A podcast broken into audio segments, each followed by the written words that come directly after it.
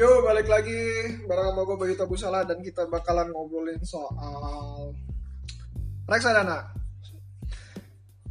Gue kayaknya pernah ngobrol soal reksadana dan kenapa gue membencinya, kenapa gue menyintainya juga sih sebenarnya. Jadi kalau misalnya gue ngomong pada zaman dulu reksadana, reksadana itu yang gue bener-bener gue gak suka itu adalah reksadana yang berhubungan dengan ekuitas, beli pasar modal dan segala macam karena beberapa alasan tertentu tapi gua nggak against soal dengan uh, reksadana ETF yang fee-nya rendah dan kalian untuk yang berdana kecil mungkin bisa masuk ke dalam reksadana ETF tersebut. Tapi untuk reksadana konvensional jauh-jauh deh dari sana.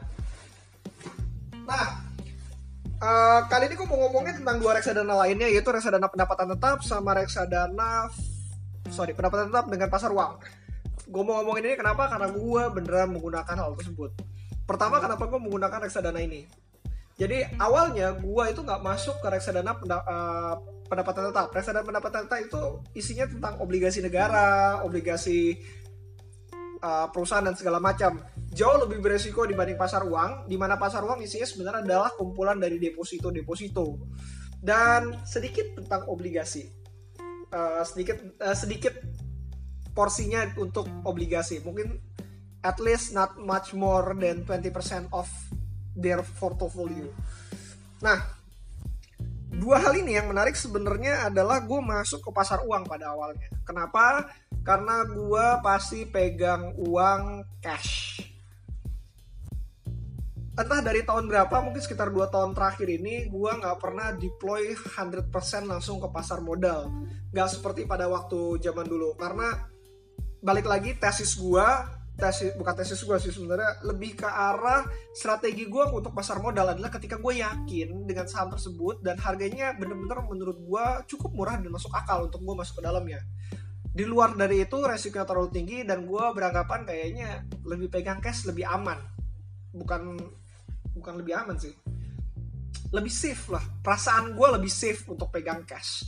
Jadi pada awalnya gue masuk ke situ.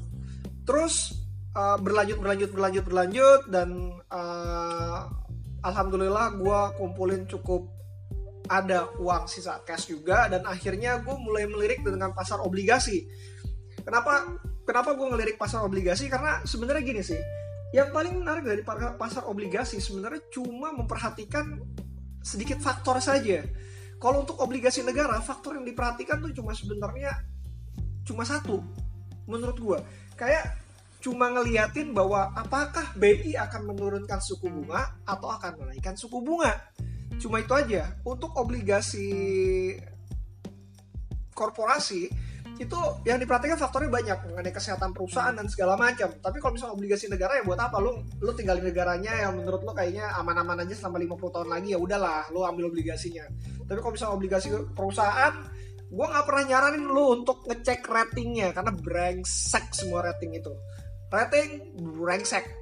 Jangan pernah ngecek rating tapi benar-benar ngecek kinerja perusahaannya. Dan untuk ngecek kinerja perusahaannya mungkin tidak terlalu mendetail dengan tidak semendetail ketika lo ngecek kinerja perusahaan saham tapi lo harus ngecek kinerjanya. Apakah benar-benar mereka sanggup untuk membayar obligasi tersebut? Problemnya menurut gue kayaknya kerjanya sama sih. Mendingan gue pilih obligasi negara bedanya obligasi negara dengan obligasi korporasi itu bedanya cuma satu persen.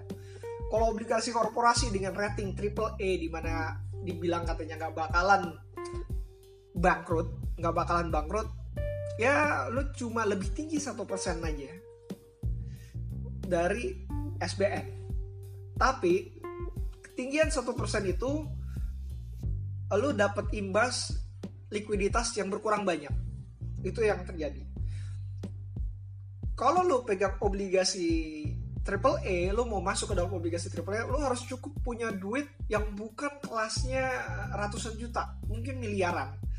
Lo baru bisa dapat dikasih akses untuk ikutan tender untuk ambil obligasi tersebut.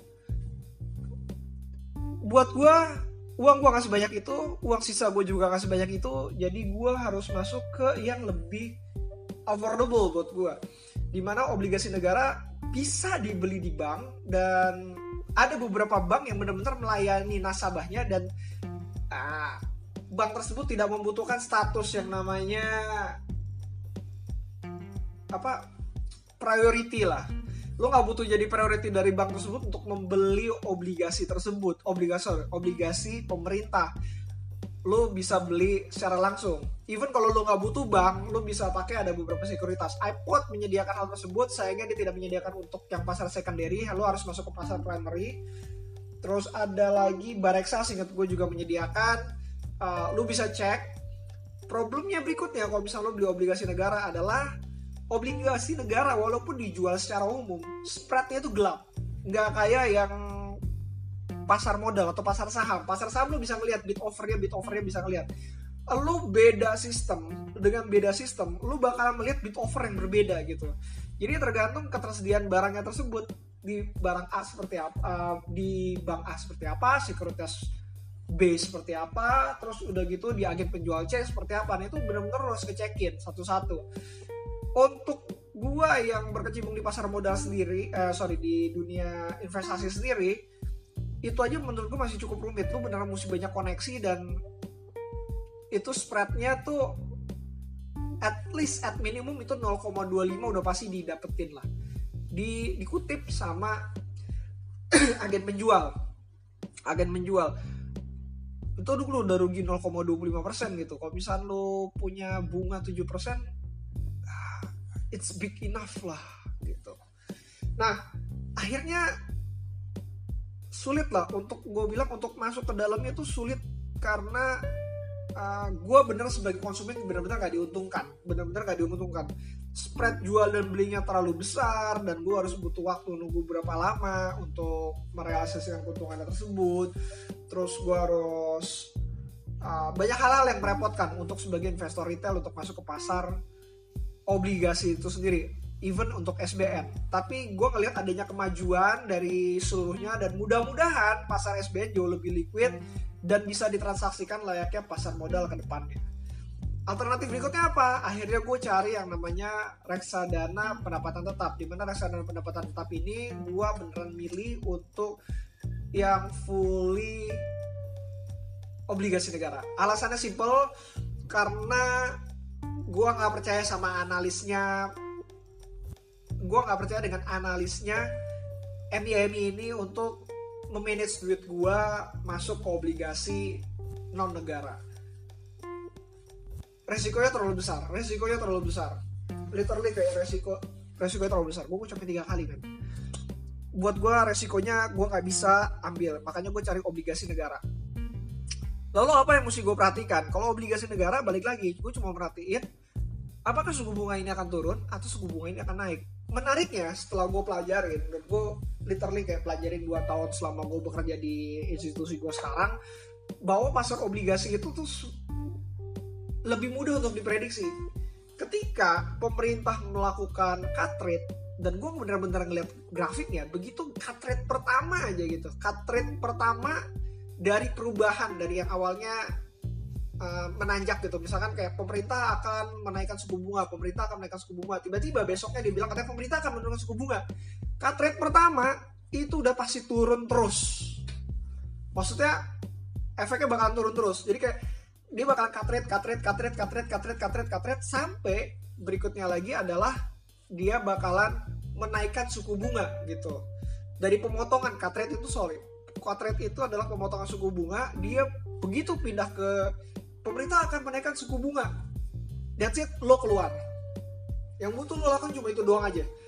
Karena apa? Begitu menaikkan suku bunga pemerintah akan terus menaikkan suku bunga tersebut. Dalam jangka waktu yang gak sebentar. Dalam jangka waktu yang mungkin at least a year one and a half years lah. Kayak satu sampai satu setengah tahun itu bakalan seperti itu terus. Jadi cuma ngeliatin itu aja. Cuma ngeliatin itu aja dan gue udah bisa keluar masuk dari obligasi negara tersebut oh, oh, oh, reksadana reksadana tersebut. Berikutnya lagi gue nggak perlu berpikir bahwa gue mendapatkan harga yang lebih murah karena gue yakin mereka bisa mendapatkan harga yang lebih murah lagi dibanding gue transaksi sendiri. Mau gak mau gue harus percaya karena pasarnya gak liquid dan gue buta dengan pasarnya uh, transaksi ini. Terus balik lagi non default. Jadi bukan nggak bukan nggak mungkin bukan nggak mungkin default tapi defaultnya kecil banget. Ketika obligasi ini default artinya negara bankrupt. Ketika negara bankrupt ya ngapain sih dulu di sini? Lagi pula gue nggak punya pilihan untuk pasang di obligasi di negara orang di mana gue nggak percaya juga dengan negara orang gitu. Menurut gue ini strategi yang cukup bijak buat gue kalau misalkan lu punya uang dan lu cuma pengen nganggurin doang akan akan sangat baik kalau misalkan in the less of one years lo mendingan masuk ke reksadana pasar uang di mana itu bunganya setara. Anggaplah nggak perlu tinggi tinggi lebih tinggi dibanding deposito nggak perlu lah. Setara deposito tapi lo nggak perlu bayar pajak. Setara sama deposito lo nggak perlu bayar pajak. Menurut gue itu udah cukup bagus. Terus yang kedua adalah ketika lo punya duit yang benar-benar bakalan dianggurin kayak setahun dua tahun mendatang masuklah ke pasar uh, pendapatan tetap gitu reksadana pendapatan tetap pendapatan tetap. Gue balikin lagi strateginya ini uh, ini bagus buat gue dan menurut gue cukup uh, relatif lebih aman buat gue sendiri. Tapi kalau kalian punya gue punya strategi yang lebih menarik lagi gitu. Kayak gue mau masuk ke pasar obligasi dan gue tahu reksadana yang mau gue masukin. Monggo itu silakan uh, kalian sendiri. Bagi gue sendiri gue lebih suka dengan cara yang seperti ini dan menurut gue lebih safe untuk gue lagi pula sooner or later duit ini akan gue deploy lagi masuk ke pasar modal atau mungkin ke unit bisnis yang benar-benar gue bisa investasikan. Tapi meanwhile selama duit ini tidak bekerja buat gue akan jauh lebih baik untuk dimasukkan ke dalam pasar pendapatan tetap tersebut. Dan gue ngeliat mas ya, ya mungkin kalau misalnya gue ngeliat kayak let's say sampai bulan Maret lah Maret April Mei Juni Maret kayak udah sinyalnya Juni mungkin bakalan ada perubahan sedikit kita bakalan ngelihat bahwa perlambatan dari penurunan suku bunga ini akan terjadi pada bulan Maret sampai bulan Juni gitu. Meanwhile, selama tidak ada kenaikan suku bunga dari pemerintah, gue bakalan tetap masuk di pasar pendapatan tetap itu dari sisi gue kalau misalnya ada pertanyaan silakan di bayutabusala@gmail.com atau bisa message gue di Instagram di bayutabusala juga di Quora juga bisa see you again next time kalau misalnya uh, mudah-mudahan gue bakalan tetap aktif. Maksudnya update yang bener lah. Thanks again for listening. Bye